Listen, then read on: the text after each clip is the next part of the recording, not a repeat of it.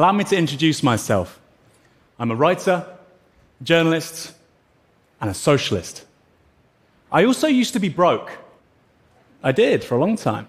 Being a student, trying to make a name for myself in the media industry, starting a media organization, I had to move 15 times in 15 years because the rent in London just kept on going up.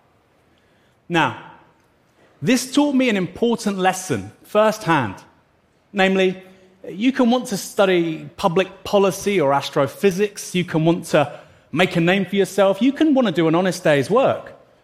But all of that is extraordinarily difficult if your mind is thinking about those unpaid bills, or knowing with the fullness of your heart that when you go to the cash point, it's going to respond insufficient funds.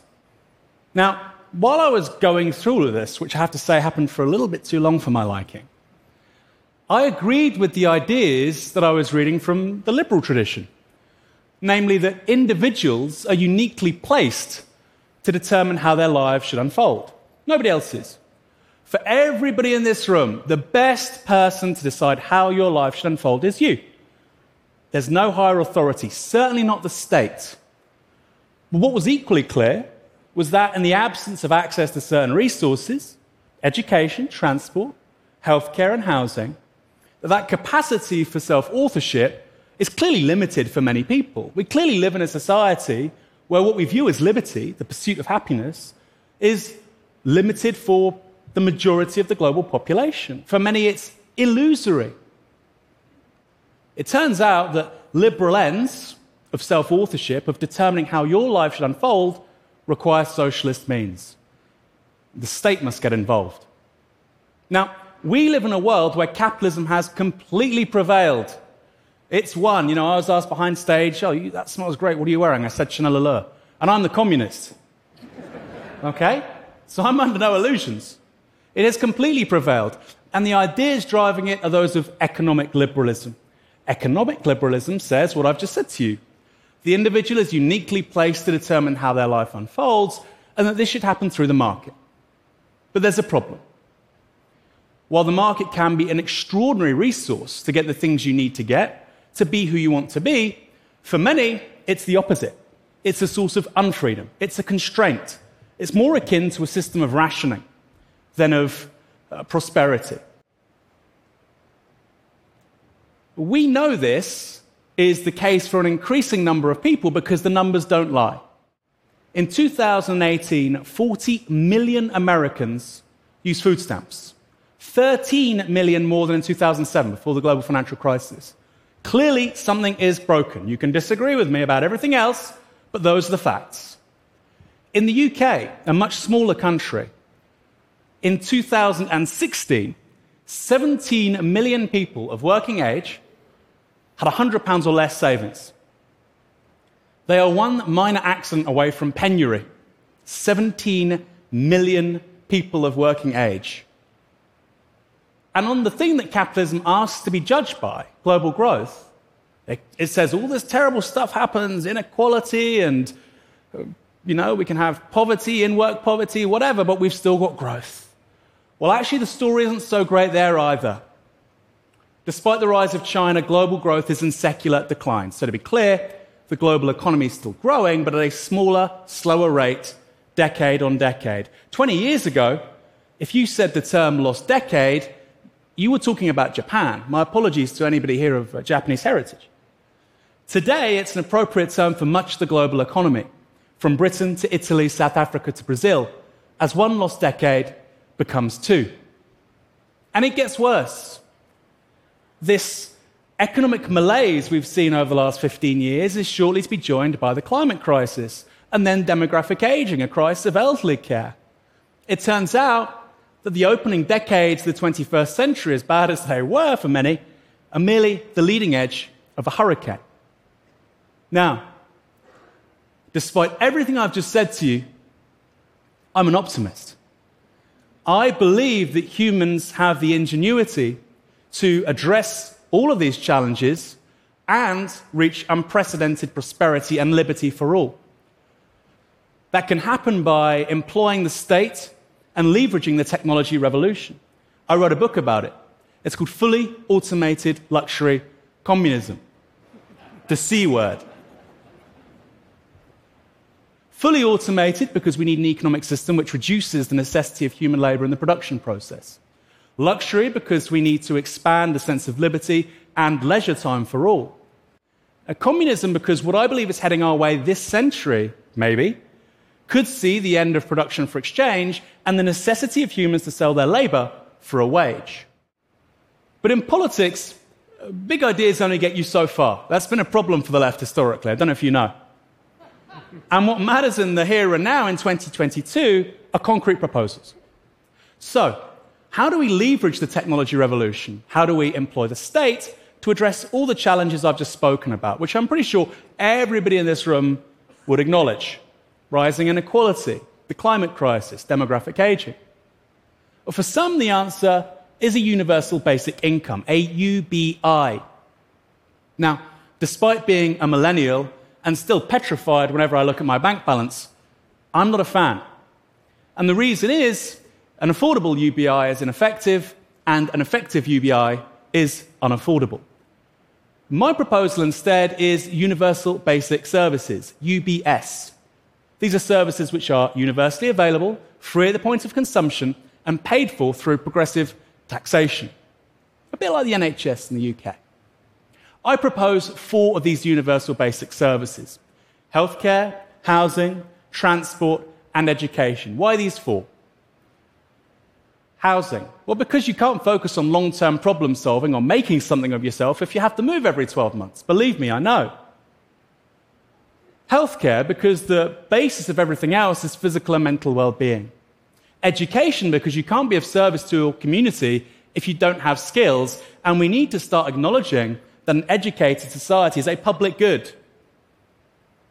People training as dentists, as midwives, as engineers, hey, as accountants, we need those people. Society needs those people with those skills to not just thrive, but to survive.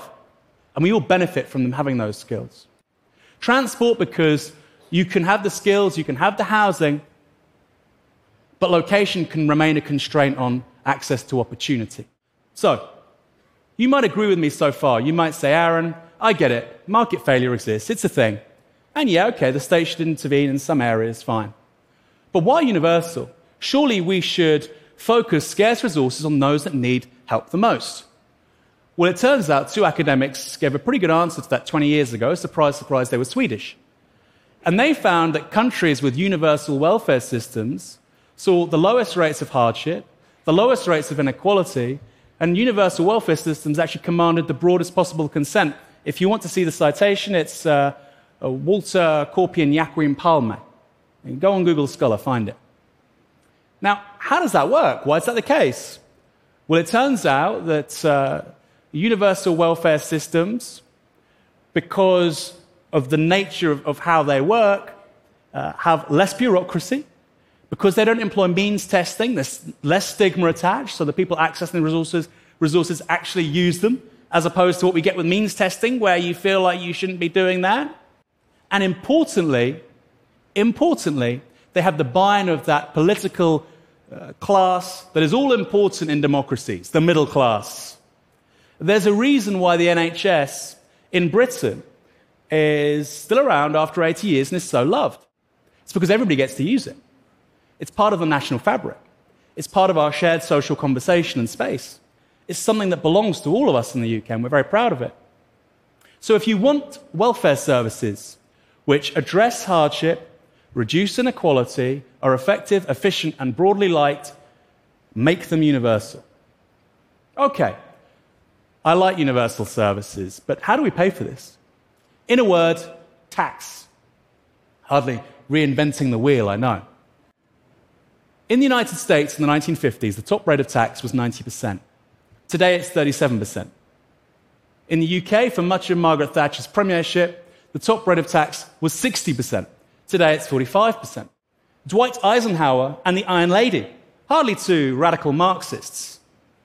And then there's things like a financial transactions tax, or the fact, the outrage, in fact, that we tax work more than we tax wealth, which is astonishing. In the UK and the US, capital gains are taxed at a lower rate than incomes. How the hell does that work? Talk about a rigged system. Then there's the issue around the technology uh, revolution. And this is a, a big reason why I, uh, I like universal basic services.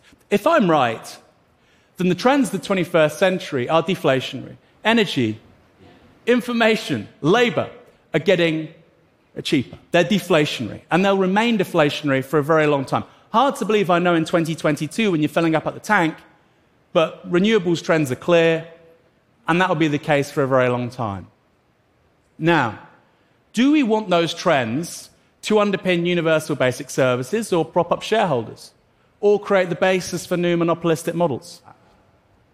Finally, on the climate crisis, another reason for universal basic services.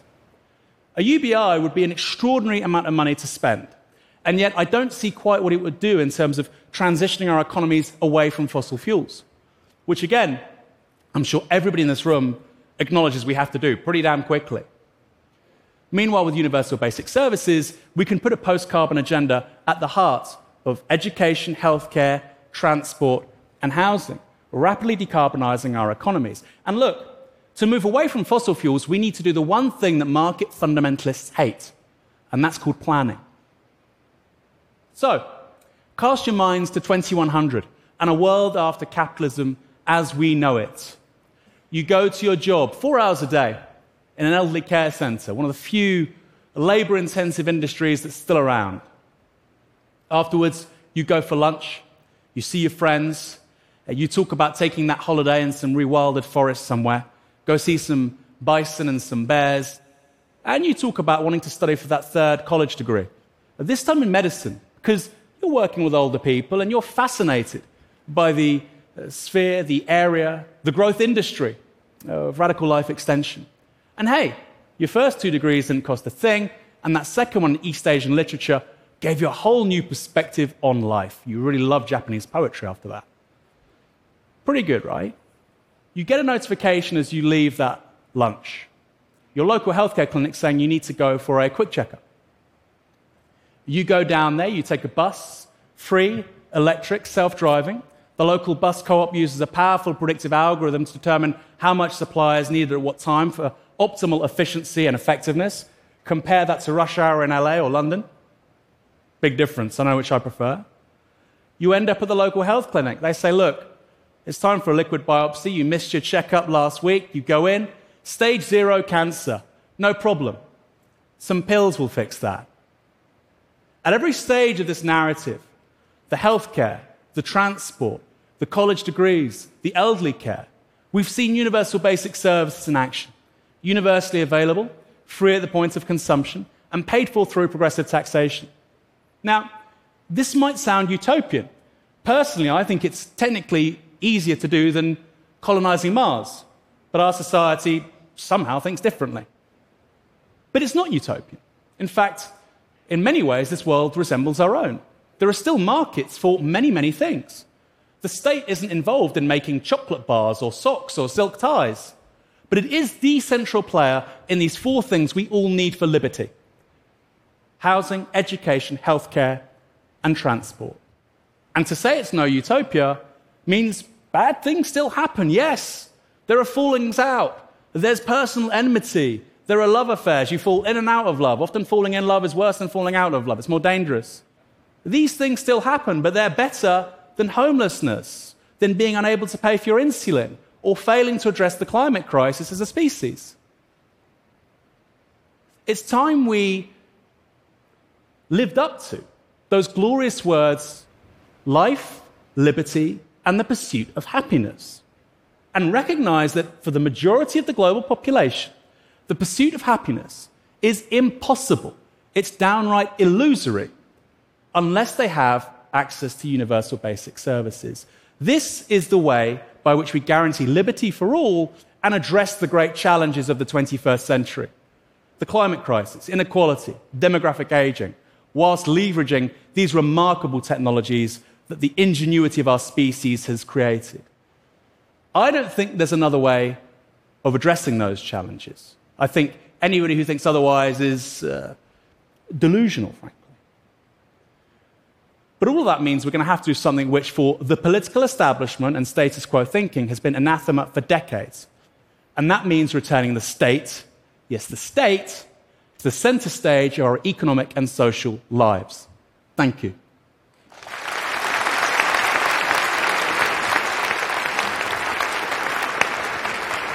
Thank you. Thank you, Aaron. I think we have um, a secret questioner somewhere in the form of Maya Bosnick, who is a public finance expert. She spoke recently at TED Women. Maya, what's your question? Yes, thank you very much. So, my question is basically related to resistances. Uh, I work with uh, public services and uh, I work towards making them more gender responsive, so I know a thing or two about resistances. So I wanted to ask you, what do you see as the biggest resistances and in which one, or maybe some, of these four that you are mentioning? Thank great, you. Great question, thank you. For me, it's got to be housing, because particularly in the Anglo American economies, we have a growth model built upon speculative investment in housing assets.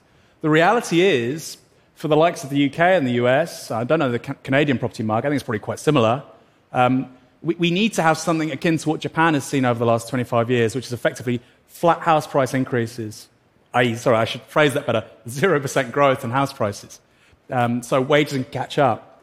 Uh, I saw an amazing statistic actually the other day in the UK, which showed that a majority of homeowners in the UK are happy to have zero growth on house prices. And that makes sense, right? Why, why would you want your house to gain in value? All it means is you buy another house, which is, you know, has uh, relatively gone up as well.